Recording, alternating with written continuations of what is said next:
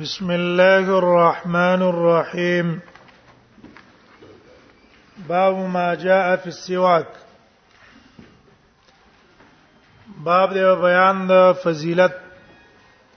د هغه حدیثو کې چې راغلي دي په بار د مسواک کې مسائل د مسواک تفصیلا سنن ابو داود کې مونږ وویل او امام ابو داود په هغه باندې مختلف ابواب کې خوسته امام ترمذی داغه په نسبت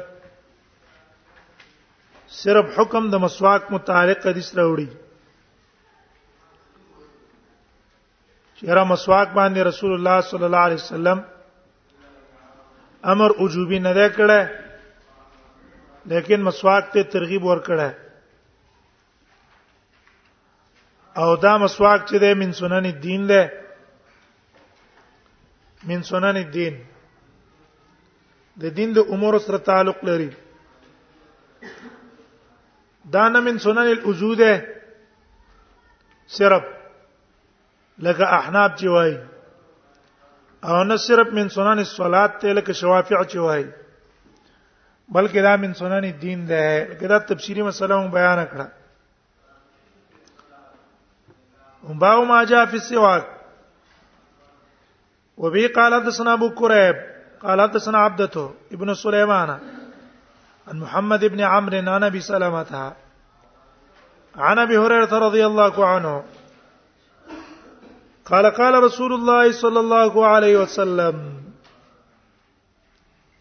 دیوی رسول الله صلی الله علیه وسلم فرمایلی دي لولا نشق على امتي و ما ک ګرانواله نه محسوسوله په خپل امت باندې لامرتهم ما به حکم کړی دي ته وجوبن وجوبن امر مګ زکه ویالو بسواک په مسواک اند کل صلاتن په هر مانځ ټیم کې دا قید وجوبن موږ زکوله کو مخکې موږ ویل چې استحباب ته مسواک اوس هم شته نو که چرته موږ امر څخه قید وجوب اونې لګاو نه په بد استحباب ته مسواک راشي حلال چې مسواک اوس هم مستحب ده او رسول الله صلی الله علیه وسلم هغه ته ترغیبات ورکړي او اوامر یې پکړې دي او امر هم بکړي دیوژن امر د پاره د وجوب ده بسواک عند کل صلات هغه د حدیث مونږ ابو داود کې ویلو تفسیرا قال ابو اسحاق وقد روى هذا الحديث محمد بن اسحاق دې کې اشاره کې اختلاف ده چې ګوره د ابو سلامه د د پازو شاګردانو چې دا روایت نقل کړي د ابو سلامه نه نو ابو سلامه دا روایت نقل کړي د ابو هريره نه نو مسند د ابو هريره ذکر کړي او بعضی شاګردان را لګیدلی اغي دا روایت نقل کړي د ابو سلمہ نه ابو سلمہ د ابو هريره په ځای باندې زید ابن خالد الجهني نه نقل کړه زید ابن خالد الجهني نه نقل کړه نو بعضی شاګردانو د ابو سلمہ دا مسند د ابو هريره ذکر کړه او بعضو شاګردانو د ابو سلمہ دا مسند د زید ابن خالد الجهني ذکر کړه نو په دې کې یو به د امام بخاری رحم الله طریقه ذکر کې امام بخاری امام بخاری هغه ترجیح چاله ور کړی هغه روایت د زید ابن خالد الجهنی ترجیح ور کړی ډیر لګیدلې دی وی دواړه روایتونه زما په نسبت باندې څه دي زما په نسبت باندې دا دواړه زما په نسبت باندې صحیح دي نو زاغی ته اشاره کړي دا حاصل شو قال ابو عيسى واي وقد روى هذا الحديث وقد روى هذا الحديث په تاقی سره روایت کړی دی دې حدیث محمد ابن اسحاق محمد ابن اسحاق روایت نقل کړی دی عن محمد ابن ابراهيم محمد ابن ابراهيم نا عن ابي سلمہ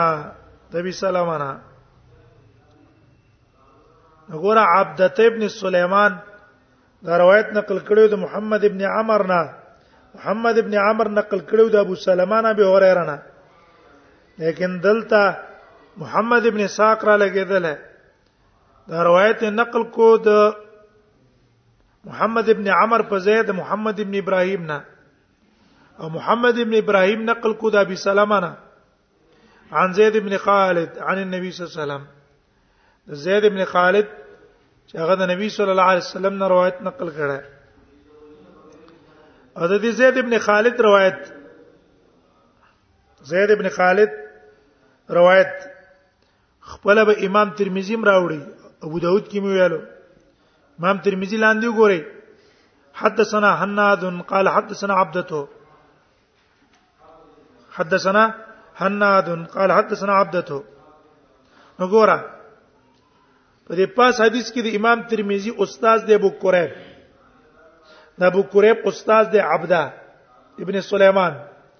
او د عبد ابن سليمان استاد دی محمد ابن عمر محمد ابن عمر روایت نقل کو د ابو سلمہ نه ابي هريره به په دې روایت کې استاد د حناد حناد شاګرد دی د عبده عبده شاګرد دی د محمد ابن اسحاق محمد ابن اسحاق شاګرد دی د محمد ابن ابراهيم هغه شاګرد دی د ابي سلمہ نه او ابي سلمہ د زید ابن خالد جوهینه روایت نقل کو وی هغه څه نقل کړه معنا مسند یې ګرځولې ده چې زید ابن خالد الجوانی و ظاهر کې استراب شو ظاهر کې څه شو استراب ولې دق عبدر لګیدل عبده ابن سليمان دا روایت د چانه نقل کو ته محمد ابن عمر نه نقل کو عن ابي سلمہ مسند ابو هريره وګرځاو او چې دا روایت نه نقل کو په طریقې د محمد ابن اسحاق ان محمد ابن ابراهيم نو مسند ته چا وګرځاو زید ابن خالد الجواني وګرځاو ظاهر کې استراب ده او د استراب د فقیدو د پاره اوس مخکې منګه ابو داود کې ویل به طریقې دي یو طریقه د تطبیق ده او یو طریقه ده ترجیح ده نو سب امام ترمذی وای وحديث ابي سلمہ عن ابي هريره وحديث د ابو سلمہ د ابو هريره نه همدارنګه وزید ابن خالد او حدیث د ابو سلمہ د زید ابن خالد نه عن النبي صلی الله علیه وسلم چې نبی صلی الله علیه وسلم نو اخله کلاهما عندي صحیح دواړه زما په نسبت باندې صحیح دي ابو سلمہ دا روایت د چا اوریدلې ده عن ابي هريره عن النبي صلى الله عليه وسلم او دا حدیث یې اوریدل د زید ابن خالد الجهني عن النبي صلی الله علیه وسلم نو ابو سلمہ دا حدیث په کله نقل کوه نبی هريره نو دا غره چا نقل کړو دا روایت محمد ابن عمر محمد ابن عمر نه عبدا غس نقل کو عبدا ابن سليمان او کلبا ابو سلمہ را لګیدو دا حدیث بیا نقل کو د زید ابن خالد الجهنی نه ځکه د زید ابن خالد الجهنی هم دا اوریدلو نو دک روایت ته چا نقل کو محمد ابن ابراهیم او محمد ابن ابراهیم نه نقل کو محمد ابن اسحاق او محمد ابن اسحاق شاګرد څوک دی عبدا نو عبدا بکلا دا طریقه ذکر کړه کله بیا غبل طریقه ذکر کړه دوه صحیح دي وکلاهما واذا دوانا عندي صحيح ما په نسبانه صحیح دي وجه ول ذکر کوي د صحت وجه دا ده لانه قد روي من غير وجه نبي هريره لانه قد روي زکه دا نقل شوه ده من غیر وجن په مختلفو سندونو عن ابي هريره عن النبي صلى الله عليه وسلم دا ابو هريره نه ابو هريره دا نقل کړی د نبی صلی الله علیه وسلم نه هاذا الحديث دا حدیث دیو جنا او حدیث ابي هريره انما صحح و حدیث د ابو هريره تم صحیح ذکر ویلای لانه قد روي من غیر وجه دا په مختلفو سندونو باندې نقل شوه نو دته زکه موږ صحیح ویلو د زید بن خالد نم نقل له خو حدیث د ابو هريره موږ په نسبت باندې ډیر صحیح دی وجه نه ده چې هغه کثرت الطرق باندې نقل له اکثرو کسانو چې دا نقل کړي مسند ته چي ویلې ابو هريره کوم کسانو د زید بن خالد الجوهني ویلې خو د زید بن خالد الجوهني طریقه هم صحیح ده دغه څه منافات پکې نشته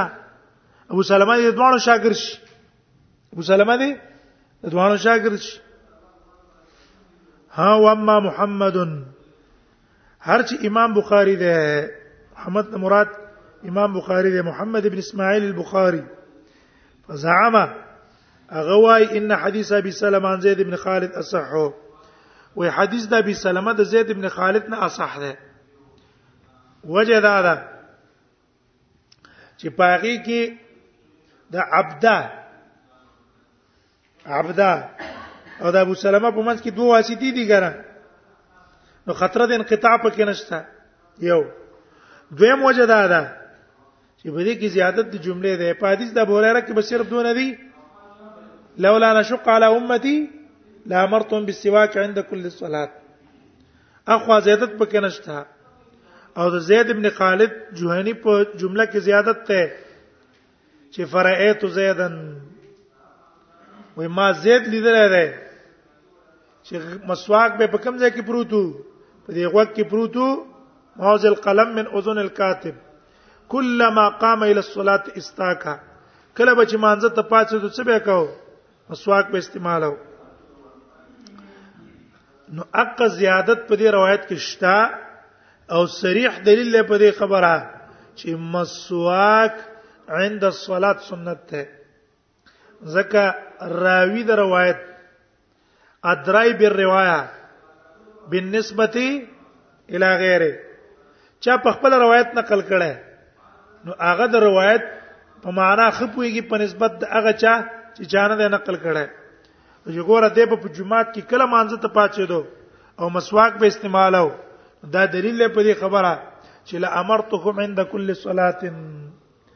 دلته مضاف نه دی حذف لکه احناف چې وایند وضوئی کل صلات بلکې مراد ته نه دقه مونږ ده هغه زیاتت وجنه ترجیح ور کړه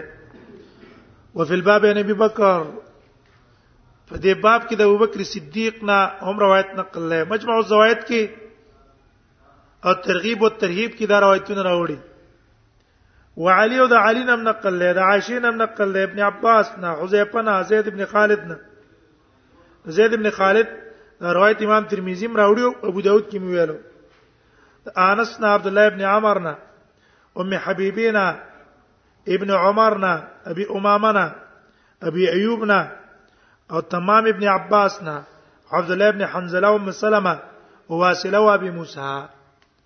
او د دینه په غیر د نور صحابو نم نقل دي احادیث متعلق د فضیلت د مسواک مجمع الزوائد کې راوړي او منذری سے په ترغیب او ترهیب کې راوړي نو اوس دا دویم حدیث به ته ذکر کړي د زید ابن خالد الجوهنی سند قال ابو اسحاق ته اشاره او کله ذکر کړی وبي قال حدثنا هناد قال حدثنا عبدته عن محمد بن ساقة عن محمد بن ابراهيم عن ابي سلمة عن زيد بن خالد الجهني زيد بن خالد الجهني روايته قال غواي سمعت رسول الله صلى الله عليه وسلم يقول وماذا النبي صلى الله عليه وسلم يريد لي فرمايل به لولا انا شق على امتي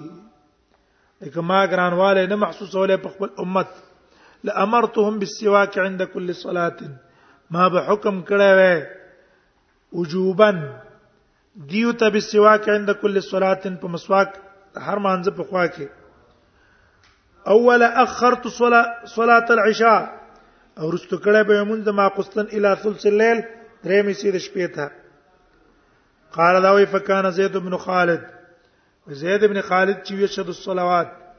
راتو به منځونو ته په مسجد په جمعات کې او سواک والا اذنه او مسواک په بغوت کې پروت موضع القلم هذا د قلم من اذن الكاتب د غوږ د کاتب نه حکمت من ابو داود کې ویالو چې دې کې تذکر ډېر زری سړی تر آیا دی دویم دلته خو عمل د زید ذکر کو مولا علی قاری والا را لګیدل هغه یره دا واقعیتو خصوصا لعموم لها دا په دې صحابي عملو عموم په دې کې نو ولې هغه قائل د مسواک عند كل صلاه نه دي کنه الته مونږ ویل چې دا ټیک نه ده ولې خطیب صاحب همدارنګ نور علماو هغه د تبر دغه روایت د عباده نقل کړي چې کان عباده ابن الصامت او اصحاب رسول الله صلی الله علیه وسلم عباده ابن الصامت او د نبی صلی الله علیه وسلم صحابه منځونه لبتلا او مسواکونه په کوم ځای کې پراته وو وګونه کې پراته کله مقام الى الصلاه استاکو او کله به چې مانځ ته پاتې د مسواک په وو هغه حدیث دلیل دی په دې چې دا واقع ده څه ده دا خصوص نه ده